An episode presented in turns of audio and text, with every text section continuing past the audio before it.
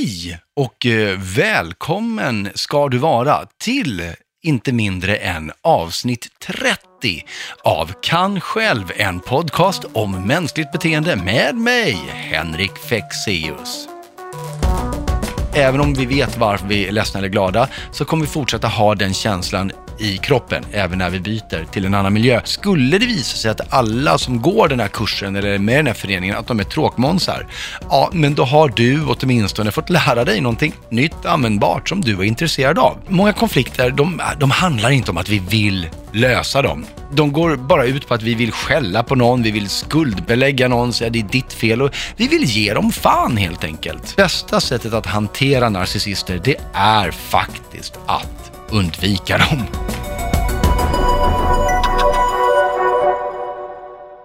Det här är ju fantastiskt roligt tycker jag att vi är framme vid 30 stycken avsnitt, 30 stycken torsdagar eller tillfällen då jag har fått vara i dina öron och låna din hjärna, om du har varit med från början åtminstone. Annars betyder det att du har 30 avsnitt nu i och med det här att lyssna i kapp på. Det är ju magiskt roligt tycker jag att vi har kommit ända hit och det innebär också att vi är framme vid en form av eh, säsongsavslutning kanske på den här säsongen av Kan själv. Jag har haft väldigt roligt, jag hoppas du har haft väldigt roligt och tack igen för att du följt med mig på den här resan. För det har varit en ära att varje vecka få hoppa in i dina öron och killa dina hjärnceller en smula.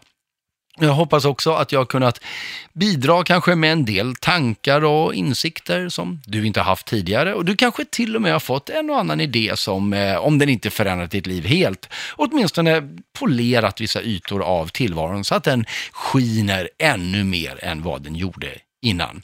För vi har ju bara ett liv. Och det finns så mycket fallgropar vi kan fastna i och som varken är konstruktiva eller meningsfulla eller, eller som gör oss speciellt glada. Så jag tycker väl att minsta sak vi kan göra för att livet ska bli lite färggladare är oändligt värdefull.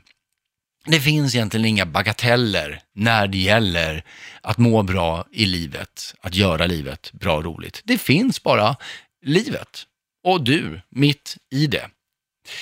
Så, till den här säsongens sista avsnitt nu så tänkte jag göra en repris av någonting som visade sig vara väldigt populärt förra gången jag gjorde det. Och det var när jag frågade dig, kära kan självlyssnare, om vad du skulle vilja att jag tog upp jag ställde den frågan igen för några veckor sedan och fick en mängd olika förslag och svar som eh, alla var fantastiskt intressanta och bra. Och eh, en lyssnare sammanfattade dessa, eh, de förslag som hade kommit även från andra, men sammanfattade det i en väldigt behändig lista som jag eh, tillsammans med några andra förslag helt enkelt här tänker beta av och så får vi se hur långt vi kommer på det här och eh, jag misstänker att jag inte kommer komma hela vägen i mål, precis som förra gången, och det innebär förstås att det finns ännu mer material att eh, ta tag i nästa gång vi hörs.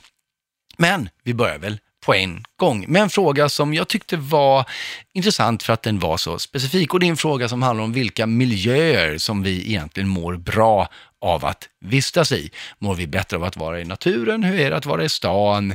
Eh, kan inredning påverka oss? Och så vidare. Och då är det så här att eh, miljöpsykologi, det är ett jättestort område. För ända sedan eh, 40-talet så har man tittat på hur eh, väldigt psykologiska aspekter av vårt varande, som till exempel vår gruppdynamik, alltså hur vi fungerar och interagerar med andra människor, vår egen känsla av tillhörighet, till och med något så eh, väldigt personligt som vår identitet, hur de aspekterna påverkas av vår omgivning. Och det här är ett väldigt intressant forskningsområde därför att meningen är ju att vara så konkret som möjligt. Man vill ju inte bara bygga teorier här, utan man vill ju också komma fram till lösningar som gör att man kan eh, bygga miljöer utifrån ett sätt som ska påverka oss på ett positivt sätt och inte negativt sätt. Och ibland så kan det vara så konkret som att man inser att avlånga rum känns trångare än kvadratiska. Så då vet man att om ett rum ska rymma väldigt många människor, då vill man inte att de ska också känna sig inträngda, utan då är det bra att göra det fyrkantigt, det är bra att sätta dit höga fönster och lustigt nog är dörrar också verkar vara en nyckelgrej i det här. Eh, men en aspekt som jag personligen tycker är intressant i hur vi påverkas av vår miljö, det är ju det här att vår omgivning inte bara väcker känslor i oss, vilket den ju hela tiden gör. Vi kan också ta med oss de känslorna även sen när vi byter miljö. Och vi gör det utan att tänka på det. Jag gjorde ett experiment för en massa år sedan för SVT där jag satte folk, jag hade två olika grupper av folk och jag satte dem i miljöer som var designade för att väcka antingen väldigt positiva eller väldigt negativa känslor. Vilket de mycket riktigt gjorde, mina stackars deltagare. Vissa av dem hade det väldigt härligt, andra hade det väldigt, väldigt eh, ohärligt. Och de var också väldigt medvetna om det, vad som var orsaken kanske, eller, eller i alla fall medvetna om vilka känslor det här väckte orsaken till att de var sura, det, det, var den här ruttna frukten och det mögliga kaffet och orsaken till att de var glada, det var att de satt i ett mysigt rum med goda bullar och, och tända ljus. Så att de var inte bara medvetna om eh, hur de mådde, utan åtminstone just då så visste de också varför de kände som de gjorde. Men känslor har vi ju kvar i kroppen ett tag. Det tar, eftersom känslor är eh, kemi, så tar det ett tag för den här kemiska förändringen att förändras. När vi, det, även om vi byter rum så betyder det inte att vi sen blixtsnabbt liksom får en kemisk förändring. Känslan sitter kvar. vi säger så, känslan sitter kvar lite längre. Känslor är lite trögare, många gånger, inte alltid, men många gånger att, att förändra. De försvinner inte lika snabbt som vi kan byta miljö. Och därför så var jag nyfiken på att se om de här två grupperna, om deras nya känslolägen, om de skulle påverka vad de tyckte om mig när de här båda grupperna tillsammans träffade mig i en tredje, eh, mer neutral miljö. Och det kan man verkligen säga att eh, de gjorde. Vill du se hela det här experimentet lite mer i detalj och vad som egentligen hände, så gå in på YouTube och sök på Henrik Fexeus samt på orden miljön påverkar, så kommer du hitta det här.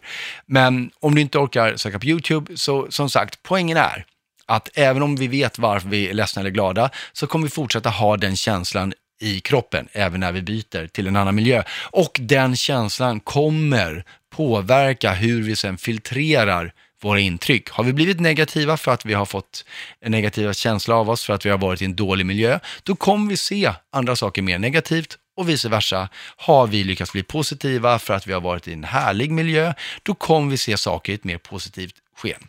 Så det här är viktigt att veta att miljön liksom påverkar inte bara, det är inte isolerat, utan miljön påverkar också hur vi tar emot andra intryck, även när vi inte längre är i den miljön. Märker att det blir lite rörigt nu, men varför inte gå in och se det här klippet för att få hela eh, sanningen. Äh, gud, det är, lika bra att jag, jag inser, det är lika bra att jag avslöjar vad som händer. Så vad som händer naturligtvis i det här experimentet är att eh, de grupperna som var i en väldigt tråkig miljö först tyckte sen inte bra om mig. Och de som var i en väldigt fin miljö innan tyckte väldigt bra om mig. Trots att de som sagt träffade mig samtidigt på de här grupperna i samma miljö. Eh, så. Vi går vidare. Det där var en lite rörig start känner jag. Jag ber om ursäkt för det, men eh, det kanske fanns någonting av intresse i det resonemanget. Jag ska försöka vara betydligt mer konkret från och med nu. Vi får väl se hur det går här med fråga nummer två. Hur lär man känna nya människor? Ja, ett bra tips på hur man lär känna nya människor är gå dit där de finns. Och vad jag menar med det är att eh, det är klart att man kan eh, sätta sig på ett café eller kanske till och med en bar och bara hoppas att det dyker upp någon och, och prata med. Men vad ännu bättre är, det är att fundera på någonting som du tycker är intressant. Eh, som du skulle vilja lära dig, som du kanske inte kan eller som du redan kan, men som du skulle vilja lära dig mer av. Du kanske skulle vilja lära dig ett språk eller du kanske skulle vilja eh, lära dig att dreja eller hobbyflyg. Vad vet jag? Någonting som du tycker verkar lite intressant. Och sen tar du reda på var den här typen av verksamhet finns. Det kanske finns en kurs du kan gå i, i det här och eh, anmäl dig till det. Eller, eh, eller bege dig till det här klubbhuset eller vad det nu är. Fördelen med att göra det är att då kommer du nämligen inte bara träffa nya människor. De människorna kommer dessutom ha samma intresse eller åtminstone samma nyfikenhet på det området som du har. Och då innebär det att eh, det här med, oj, hur ska vad ska jag säga till någon jag inte känner, vad ska vi börja prata om? Det är redan löst. För ni har redan ett gemensamt ämne att prata om. Så att inte nog med att du har hittat en hel klump med nya människor, du vet också redan vad du ska prata med dem om. Och dessutom, tredje vinsten du gör, är att skulle det visa sig att alla som går den här kursen eller är med i den här föreningen, att de är tråkmånsar, ja, men då har du åtminstone fått lära dig någonting nytt användbart som du är intresserad av. Så oavsett vilket så vinner du. Så det tycker jag är ett väldigt bra tips i hur man lär känna nya människor. Nästa fråga handlar om eh, hur man löser konflikter i relationer. Och det här är en fråga som har kommit från många som har lyssnat. Jag tror att det, det kan vara en av de här heliga gralerna som jag ibland brukar tjata om. Det borde bara finnas en helig gral, vad jag vet, men, eh, men vi har när det gäller det mänskliga beteendet flera och en av dem är det här. Hur löser man konflikter när det börjar hetta till Eh, tillsammans med den man bor med, eller, eller eh, inte bor med, men kanske vill bo med. Eller ens familj i övrigt, men någon man har en nära relation till. Och varför det här är ett problem, är det finns många anledningar kanske, men en är ju att alla konflikter, alla relationer ser ju olika ut. Och det innebär att konflikterna ser också olika ut och det innebär att det finns inte någon form av patentlösning på det här. För det är så individuellt. Med det sagt så finns det ändå vissa saker som man oftast kan eh, använda sig av eller, eller fundera på. Och ett av de starkaste verktygen som jag känner till för att undvika konflikter, för det tycker jag ändå är bättre. Det är klart, har vi en konflikt måste vi hantera den, men det är ännu bättre om den inte dyker upp överhuvudtaget. Och ett av de bästa sätten att undvika konflikter, det hörde du i avsnittet om empati med Stefan Einhorn, där jag i slutet pratar om att vi behöver förstå att det finns andra tolkningar av händelser som sker än den tolkning som vi själva gör. Och sen finns det ju också andra verktyg som är otroligt hjälpsamma vid just konflikter. Till att börja med så handlar många konflikter, de, de handlar inte om att vi vill lösa dem. De går bara ut på att vi vill skälla på någon, vi vill skuldbelägga någon, säga det är ditt fel och vi vill ge dem fan helt enkelt. Vi kallar det för en konflikt, men det är egentligen någon form av bara utskällning och du är dum och det här är ditt fel. Vi vill vinna. Det, det är väl det det är. Vi vill vinna den här konflikten. Men om man är intresserad av att, på riktigt intresserad av att lösa en konflikt, då kan man inte tänka så här, då kan man inte tänka att det finns en vinnare i den, för då krävs det faktiskt att man accepterar att båda parter i den här konflikten behöver komma ut ur den som vinnare. Och det kräver en ganska stor dos av ödmjukhet. För att om jag känner att du har gjort fel eller du har gjort dum eller du har varit dum, då kanske det är svårt för mig också att kunna känna att fast att du ska också vinna den här konflikten eller det här argumentet, precis som jag. Man vill inte det. Eh, så att väldigt mycket ödmjukhet krävs för det här. Men, men det är helt nödvändigt för att man inte helt ska låsa sig. Och ett viktigt sätt att göra det här på, det är att förstå alla aspekter av den här konflikten. För de är ofta fler än vad du först kanske tänker dig. Eh, och vad jag menar är att man behöver dels hitta alla delar som konflikten innehar, men också alla som är inblandade i den. För vet du vad, om, om du upplever en konflikt, då är du en del av den. Du är en del av problemet eller situationen som uppstått. Vilket innebär att du också bär ansvar för en del av den. Och missförstå mig inte, det här handlar inte om skuld. Det är livsviktigt att fatta det. Jag vet inte hur mycket mer jag, jag kan tjata om det. Jag säger inte att det är delvis ditt fel att någonting har hänt. Det är inte alls det jag säger. Men det jag säger är att alla som är inblandade i en situation har bidragit till den situationen på något sätt. Om jag ska vara kanske onödigt hård, men, men så att du ska förstå. Säg att du har blivit rånad på gatan. Det är ju inte ditt fel att du har blivit rånad. Men du har bidragit till den situationen eh, genom att befinna dig på platsen där du blev rånad. För hade du inte varit där, då hade ju det rådet inte skett, eller hur? Det är din del i, i den här situationen, det, är eh, det här problemet. Det är inte ditt fel, det är inte din skuld, men det är ditt bidrag till situationen. Och för att man ska kunna hitta så många konstruktiva lösningar som möjligt på en konflikt, då är det viktigt att förstå alla och allt som har bidragit till den. För i den här rånsituationen eh, så kan ju en väldigt bra lösning på hur vi ska undvika sådana här rån i fortsättningen, det kan ju vara att man försöker förändra värderingar hos den här rånaren så att hon eller han inte begår fler rån. En annan lösning kan ju också vara att inte befinna sig på rånplatsen. Det kanske inte är en lika bra lösning, men det är en variant. Och det är bra att komma på så många som möjligt av dem. Och nu tänker du automatiskt igen, men vadå. Det var ju inte mitt fel att jag blev rånad. Varför ska jag behöva ändra mig? Jag har inte gjort något. Och det stämmer. Det var inte ditt fel. Men lösningar, de får inte vara baserade på vems skuld någonting är. De får bara vara baserade på vad som är bäst och vad som är mest långsiktigt sätt att lösa ett problem på. Det är också bra att kontrollera så att man verkligen har hittat alla aktörer, alla som har varit i, bidragit till en situation.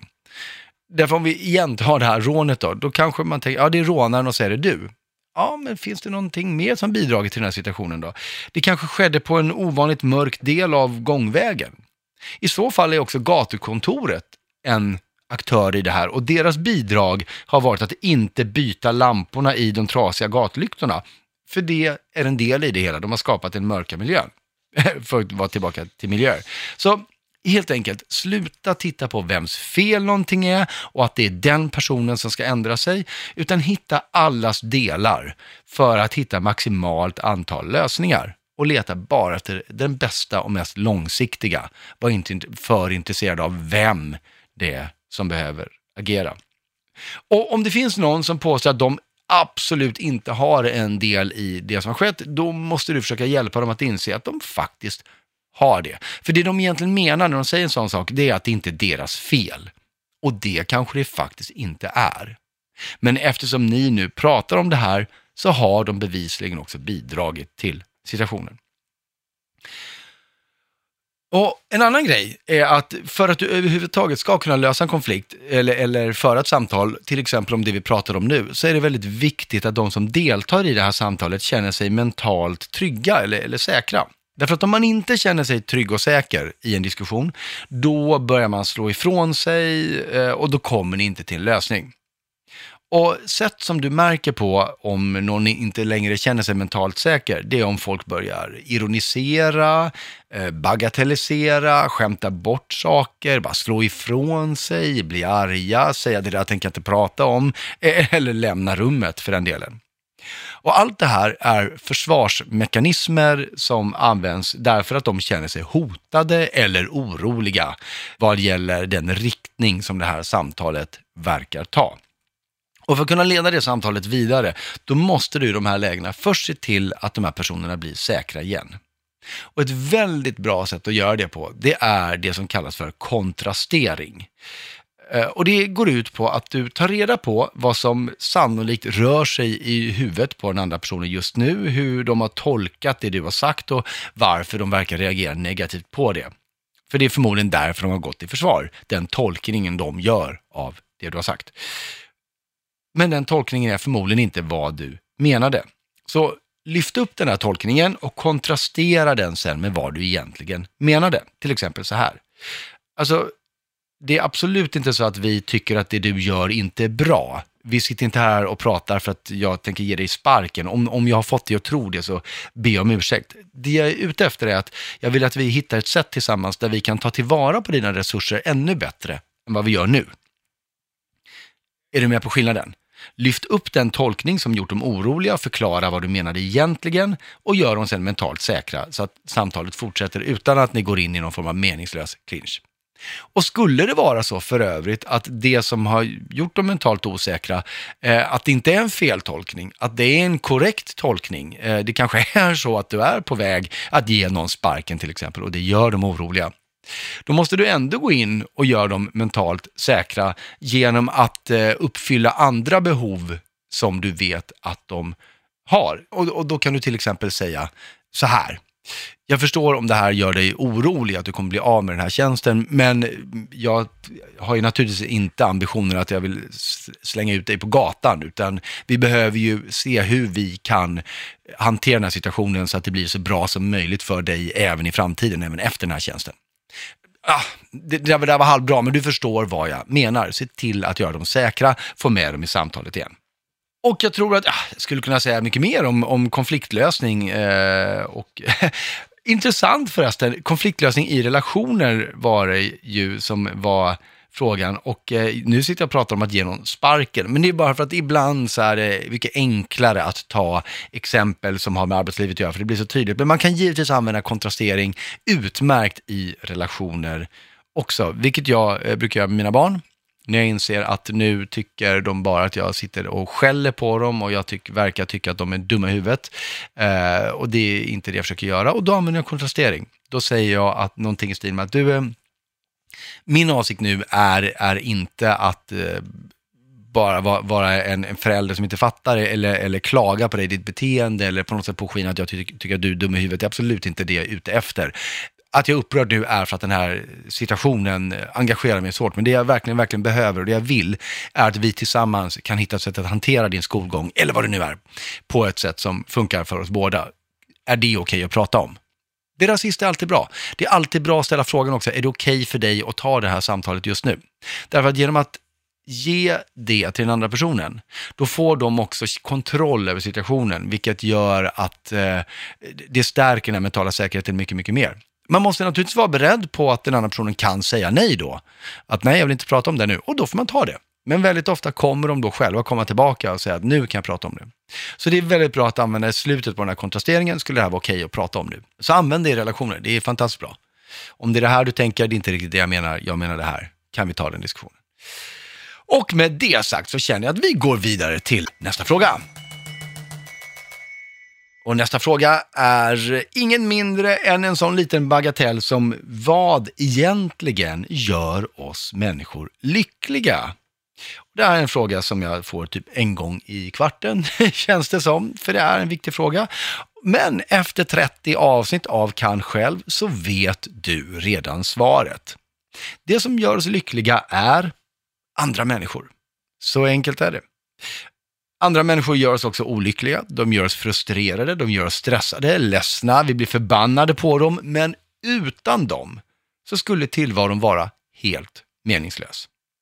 Lycka kommer av att känna att det finns de som ser oss, förstår oss, lyssnar på oss, som vi kan socialt vara trygga med, som kanske ibland till och med vill hångla med oss och som du kan ge samma sak tillbaka till. Det är inte konstigare än så. Och vill du eh, ha det resonemanget lite mer detaljerat utrett för dig själv, så varför inte lyssna igenom den här säsongen av Kan själv. För det känns som att var och vartannat avsnitt, oavsett vad det är tänkt att handla om från början, någonstans landar i relationer och vad som skapar en meningsfull tillvaro. Det ligger liksom i grunden på allt. Så eh, jag tror inte att jag behöver ge ett längre svar nu, för du vet det här redan så otroligt väl, utan vi går vidare. Nästa fråga, vår femte fråga, är en eh, rolig sådan. Det påstås att eh, vi lever i någon form av narcissistisk epidemi, att sociala medier gör folk betydligt mer narcissistiska än innan, att våra, de som är våra kändisar idag är kändisar för att de bär på narcissistiska drag snarare än att de har gjort någonting bra.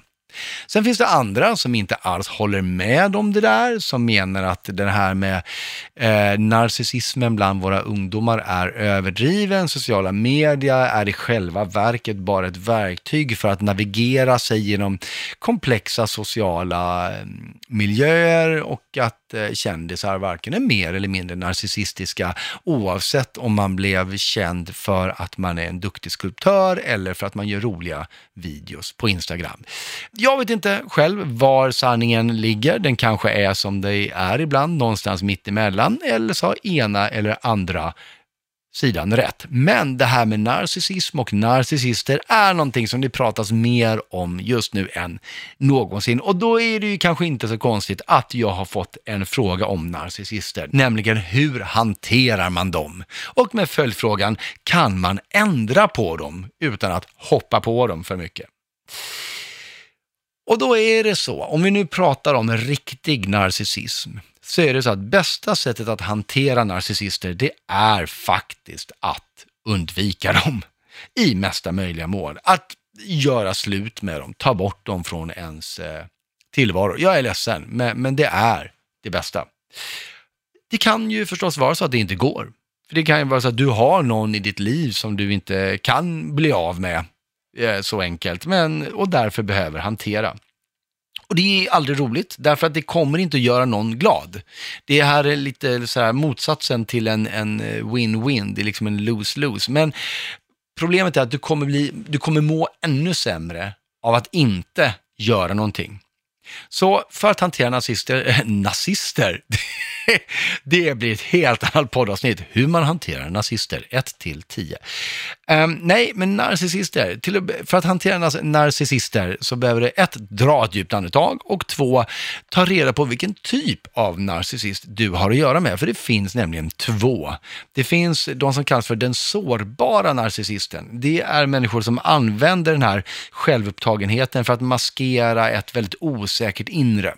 Sen finns det också den grandiosa narcissisten och det är den personen som faktiskt gått på den här myten om sig själv som de försöker proklamera för alla andra, som verkligen tycker att de är så fantastiska som de påstår. Och det är den här senare sorten som är den riktigt, riktigt jobbiga. Eftersom de personerna gärna också blir ganska manipulativa och till och med kan få eh, psykopatiska drag. Därför att eftersom de anser att ingen annan är lika värdefull som de är, så går det ju naturligtvis utmärkt och är moraliskt försvarbart att manipulera folk för själviska ändamål. Den sårbara narcissisten är lite mer sneaky. De personerna rör sig ofta under radarn. Men det här är människor som man känner igen på att de kommer ifrågasätta dina beslut eller din auktoritet eller säga sårande saker på, på ett möte bara för att de själva ska få må lite bättre. Och sättet att hantera dem är att ge dem precis så mycket uppmuntran som de behöver för att de inte ska behöva känna att de behöver trycka ner andra för att bli bra själva, utan då istället kan fokusera på det som nu behöver göras. Eller bara ha någon form av balans i tillvaron. Problemet här är att veta hur mycket uppmärksamhet det är, för du vill inte ge dem för mycket. Du vill inte ge ytterligare bränsle till deras självupptagenhet. Men ett visst försiktigt mått av uppmärksamhet, klapp på axeln, eh, eller klapp på huvudet kanske till och med, är vad de här människorna behöver. Det är också viktigt att inte ge dem det de vill ha och nu kanske det låter som att jag säger emot mig själv, men vad jag menar med det är att en narcissist som njuter av att såra andra vill ju se resultatet av sitt arbete. Om jag försöker såra någon så vill jag också se att den här personen blir ledsen. Det är då jag mår lite bra. Och därför, när de här personerna börjar i onödan ifrågasätta eller säga taskiga saker, så får du inte visa att det bekommer dig. Den här, du får inte visa att den här människan får dig ur balans, även om det känns tråkigt på insidan. Och ett sätt att göra det på som är väldigt, väldigt effektivt, jag tror att jag kanske har pratat om det tidigare i den här podden, det är att skratta åt dem. Inte, inte på ett hånfullt sätt nu, utan att du på riktigt kan påpeka det ganska humoristiskt olämpliga i deras beteende. För det kan punktera de flesta uppblåsta ballonger när du visar att du är stor nog att välja att tolka de här påhoppen eller ifrågasättandena som humor. Att du kan se det roliga i det och bara förutsätter att alla andra kan det också. Det är, det är otroligt, jag hoppas du förstår vad jag menar, men jag vill bara säga igen att det är otroligt viktigt att man inte blir den hånskrattande, den som skrattar på deras bekostnad, utan att du på riktigt kan se det lustiga i situationen. För då blir du ganska oantastlig och eh, osårbar. Om du gör det i kombination med att du också ger den här narcissisten precis det där lilla de behöver för att slippa fokusera så mycket på att trycka ner andra, då, eh, då är du hemma. Vad det gäller de här eh, grandiosa narcissisterna, de som tycker att de är så himla fantastiska själva, så kan det faktiskt vara så att de lider av en narcissistisk personlighetsstörning som är diagnostiserbar. Där kan vi inte göra så mycket mer än att eh, försöka vara någonstans där de inte är. Jag är ledsen, jag har inga riktigt bra tips med dem, mer än att eh, försöka undvika dem så gott det går. Och vi är framme vid en sjätte fråga och jag tror att det här kanske får bli den eh, sista frågan. Jag har märkt att jag haft en tendens här på slutet av den här säsongen av Kan själv att mina avsnitt blir längre och längre och längre. Jag hade en ambition när jag började med den här podcasten att avsnitten skulle vara 30 minuter långa. Jag har väl inte hållit det en enda gång, kanske möjligtvis någonstans precis där i början. Men jag tänkte att det vore ändå, om inte vackert, det är väl förmätet att säga, men åtminstone lite skönt att försöka avsluta så som jag hade ambitionen att inleda med ett avsnitt som eh, är någonstans runt en halvtimme. Och jag ser att vi börjar landa runt det strecket. Så eh, jag hinner med precis en fråga till. Och den här frågan vill jag ändå ha med, därför att det här är en fråga som har dykt upp ända sedan jag eh, 2008 min, nu ska vi se. Min första föreställning som mentalist hette Mindmelt och den ägde rum 2004 och min första turné var Sinnescirkus som eh, började, eller gick av stapeln 2008. Och ända sedan dess, sedan 2004 och framför allt sedan den turnén 2008 så får jag konstant den här frågan. Och eftersom den nu också dök upp eh, från flera av er som lyssnar så tänkte jag att så lämpligt att avsluta allt det här med att svara på den. Och frågan är, hur gör du egentligen i dina shower? Och det är väl läge att svara på det. Och här kommer svaret. Den enkla sanningen är att jag innan varje föreställning jag håller så